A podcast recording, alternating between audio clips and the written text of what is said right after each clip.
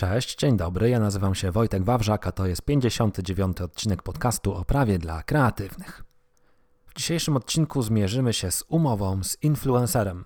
Z tą umową zmierzę się ja i porozmawiam z nią o tobie. Ja, czyli Wojtek Wawrzak, ale autorem artykułu o umowie z influencerem, który możesz przeczytać na naszym kancelaryjnym blogu, jest Monika Wycykał, prawniczka specjalizująca się m.in. w przygotowywaniu umów. Jeżeli słuchasz tego podcastu troszkę dłużej, to na pewno pamiętasz, że jakieś dwa odcinki temu też e, był odcinek e, powstały na bazie artykułu, którego autorką była Monika, a podcast nagrałem ja i tak to od czasu do czasu będzie. E, podcast dostępny będzie dla Ciebie w każdym momencie, tak jak w każdym momencie dostępny jest dla Ciebie artykuł. Link do artykułu znajdziesz w opisie tego odcinka. Polecam serdecznie Twojej uwadze, dlatego że w artykule znajdziesz również przykładowe postanowienia do umowy z influencerem. Wprost w treści artykułu możesz znaleźć takie przykłady, wykorzystać w swojej umowie. Co więcej, bonusem do artykułu jest szablon postanowień dotyczących eksploatacji wizerunku influencera. Taki szablon dostępny jest dla subskrybentów newslettera i zapisać się na ten szablon możesz również z poziomu artykułu. No i finish finishów, czyli szablon umowy z influencerem, wartościowy, sprawdzony, praktyczny szablon, z którego możesz skorzystać. Możesz go kupić kilkoma kliknięciami za pomocą blogowego sklepu. A teraz przechodźmy do meritum, zmierzmy się z tą umową z influencerem, no bo jak wiesz, influencer marketing e, rośnie na znaczeniu. Coraz częściej marki współpracują z influencerami, coraz częściej zlecają im określone działania marketingowe, coraz częściej nie są to jakieś jednorazowe akcje barterowe, ale dużo bardziej zaawansowane działania związane z wytwarzaniem utworów w rozumieniu prawa autorskiego, skorzystaniem z wizerunku, nawet z kampaniami outdoorowymi, występami w telewizji itd. Tak Im bardziej skomplikowana współpraca z influencerem, tym bardziej trzeba kłaść nacisk na umowę, bo profesjonalnie przygotowana umowa na potrzeby takiej współpracy może uchronić cię przed wieloma negatywnymi konsekwencjami, bo paradoksalnie sporo rzeczy może pójść źle. Influencer może nie dowieść czegoś na czas, możecie się rozminąć, gdy chodzi o jakieś treści, które on ma przekazywać. W końcu może coś chlapnąć, coś, co zaszkodzi wizerunkowi marki może nie dotrzymać terminu, możecie nie porozumieć się co do wynagrodzenia. Naprawdę tych kwestii zapalnych jest sporo i warto o nich uprzednio w umowie pomyśleć po to, żeby w przyszłości zaoszczędzić sobie problemów. I w dzisiejszym odcinku postaram się przedstawić Ci takie najważniejsze postanowienia umowne, a w zasadzie kwestie, na które trzeba w takiej umowie zwrócić uwagę. Ale zaczynając e, temat umowy z influencerem, trzeba by się w ogóle zastanowić, jaka umowa jest właściwa w przypadku takiej współpracy. No bo wiesz, e, umów, rodzajów umów jest sporo. Umowa o dzieło, umowa zlecenie, świadczenie usług, może jakaś umowa prawna autorska a może umowa jakichś najmu powierzchni reklamowych. No tych opcji jest sporo i umowa o dzieło najczęściej właściwa jest tam, gdzie influencer ma wykonać rzeczywiście jakieś dzieło, czyli zamawiasz u niego jakiś konkretny rezultat. Natomiast bardzo często będzie to umowa o świadczenie usług, czyli gdzie influencer zobowiązuje się podejmować jakieś działania w dłuższym okresie. No ale może być też przecież tak, że tylko kupujesz od influencera jak gdyby powierzchnię reklamową. Na przykład zamawiasz jakieś miejsce na jego stronie internetowej, blogu, gdzie będzie ekspozycja jakichś materiałów. No i w końcu, co najczęściej się zdarza, będzie to jakaś taka umowa nienazwana, mieszana, łącząca w sobie wiele różnych elementów, różnych umów i trochę dzieła, i trochę świadczenia usług, może nawet tego najmu powierzchni reklamowej.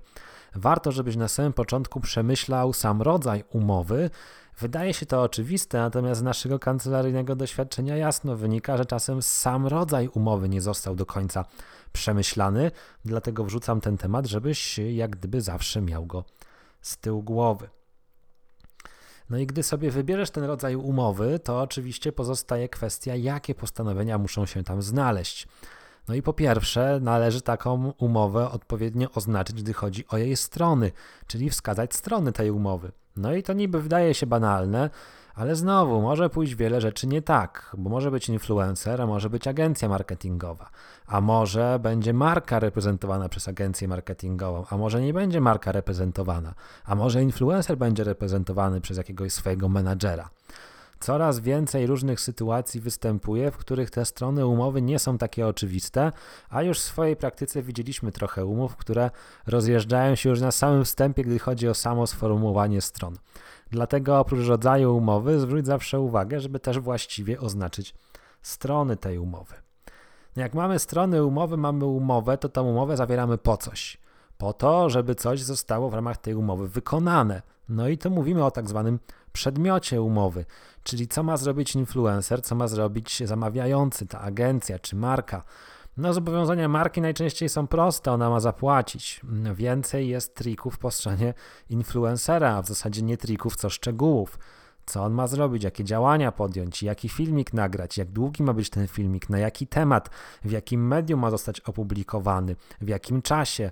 No tych szczegółów jest naprawdę sporo i tutaj jak gdyby uczulam ciebie, żebyś zawsze myślał im w takiej zasadzie, że im bardziej szczegółowo, tym lepiej. No bo nic gorszego niż takie ogólne wtręty pod tytułem influencer zobowiązuje się nagrać filmik. No dobra, ale jak długi filmik? Na jaki temat? W jakim medium, w jakiej konwencji. No tych szczegółów jest bardzo dużo, o które warto zadbać, dlatego taką dobrą praktyką jest na przykład dodawanie załącznika w postaci specyfikacji tych działań reklamowych podejmowanych przez influencera.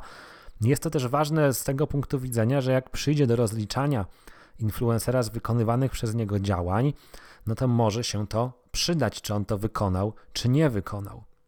No ale właśnie, gdy jesteśmy przy tym rozliczaniu influencera, to pamiętaj, żeby umowa w ogóle przewidywała jakieś takie elementy rozliczeniowe, czyli jakieś sprawdzanie tego, co influencer zrobi, przedstawianie jakichś koncepcji przez niego, aprobaty, odrzucenia, mm, no jakieś wzajemne ustalenia, e, mechanizmy kontroli. Co umowa, mm, to wiele różnych e, pomysłów. Jeżeli szukasz jakiejś inspiracji, to zajrzyj do artykułu na blogu i tam przykładowe postanowienia mm, znajdziesz. No niewątpliwie, gdy mówimy też o kontrakcie z influencerem, mamy na myśli terminy. No te terminy są zawsze kluczowe. Jeżeli prowadzimy jakieś działania reklamowe, to dotrzymywanie określonych terminów ma istotne znaczenie z punktu widzenia skuteczności tych działań. Więc to nie może być tak, że influencer sobie opublikuje, kiedy mu pasuje. Warto przewidzieć dokładny harmonogram takich działań influencera.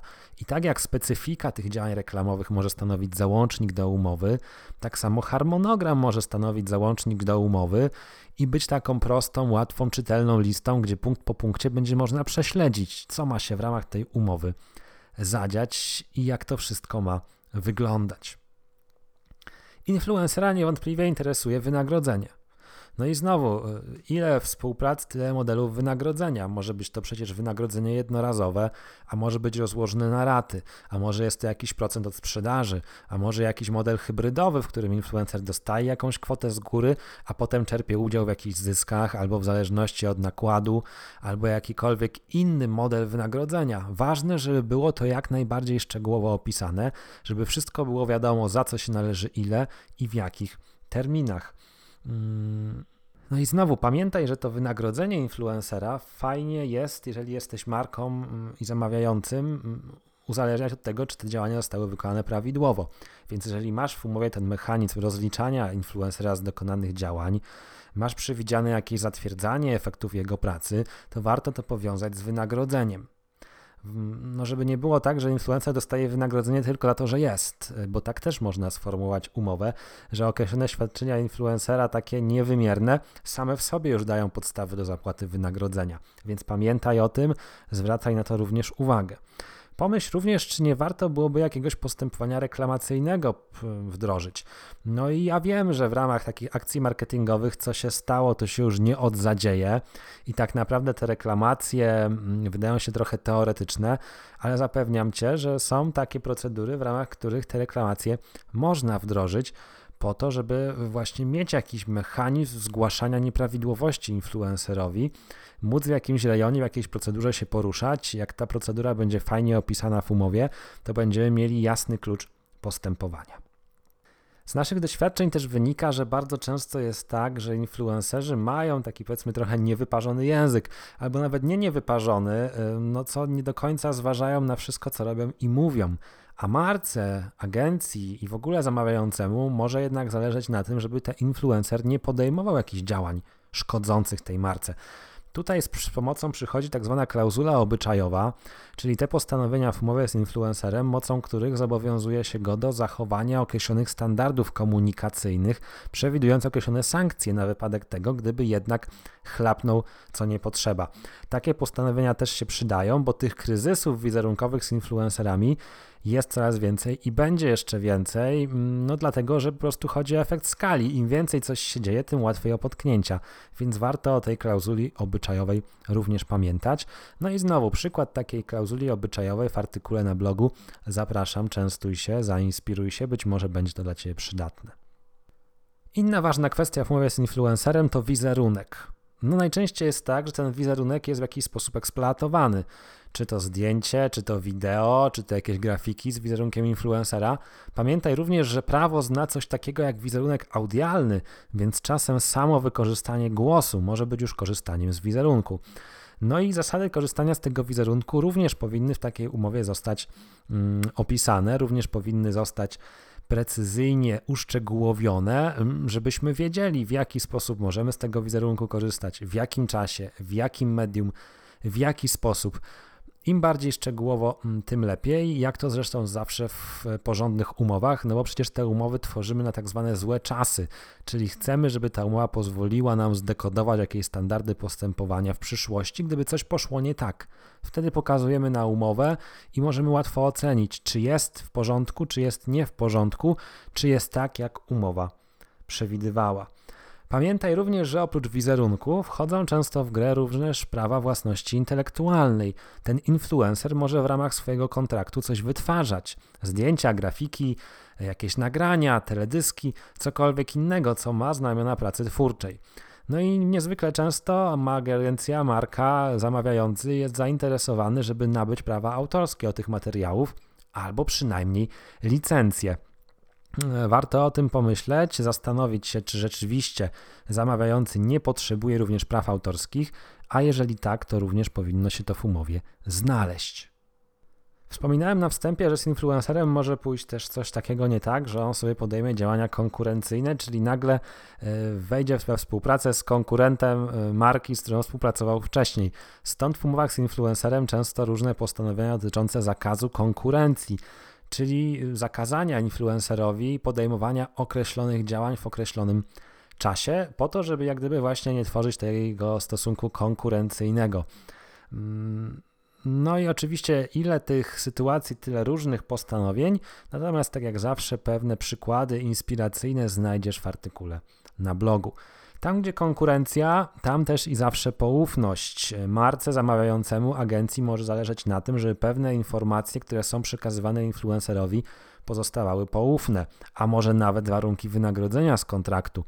Do tego służą klauzule poufności, klauzule poufności, które zobowiązują influencera do tego, żeby określone informacje właśnie w tej poufności zachował. Z takich klauzul również warto korzystać, warto o nich pamiętać, bo one się naprawdę przydają, tym bardziej, że często obwarowywane są karami umownymi za nieprzestrzeganie tych warunków poufności. No i w końcu dane osobowe. W zasadzie nie ma dzisiaj kontraktu, który nie wiązałby się z przetwarzaniem danych osobowych.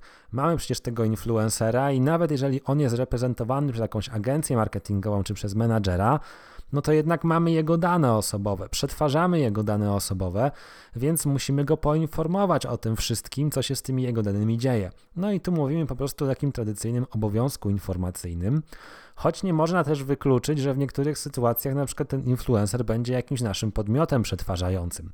Na przykład wpuścimy go do jakichś statystyk, czy wpuścimy go do jakichś zasobów, w których przetwarzamy dane osobowe i wtedy będziemy musieli jeszcze pomyśleć o odpowiednim umocowaniu go do przetwarzania pewnych danych, których jesteśmy administratorem. Rozmawiając o każdej umowie, nie możemy też pominąć wątku odpowiedzialności umownej. Odpowiedzialności za wykonanie tej umowy. I tutaj, jak gdyby temat często pomijany, a przecież kodeks cywilny daje szerokie możliwości ograniczania, modyfikowania, wyłączania odpowiedzialności. Można odpowiedzialność rozszerzyć, wyłączyć, ograniczyć, ograniczyć kwotowo. Mamy również przecież rękojmie zawady dzieła. Jeżeli będziemy posługiwać się konstrukcjami typowymi dla dzieła w tej umowie, czyli influencer będzie wykonywał jakieś dzieła, pojawia nam się również temat rękojmi. Z punktu widzenia cywilnoprawnego naprawdę dużo można w ramach tych postanowień o odpowiedzialności mm, zdziałać. No i nie zapominajmy oczywiście w umowie z influencerem o czasie trwania tej umowy. Może być to przecież umowa na jakąś e, krótką akcję, na konkretny czas, może być to umowa bardziej długofalowa. E, może być to na przykład umowa chociażby na czas nieokreślony z jakimś dłuższym terminem wypowiedzenia, a może na czas określony, na przykład roku czy dwóch miesięcy, czy wręcz po prostu pojedyncze dzieło na jakiś jeden projekt mm, i oczywiście będzie wtedy krótszy czas.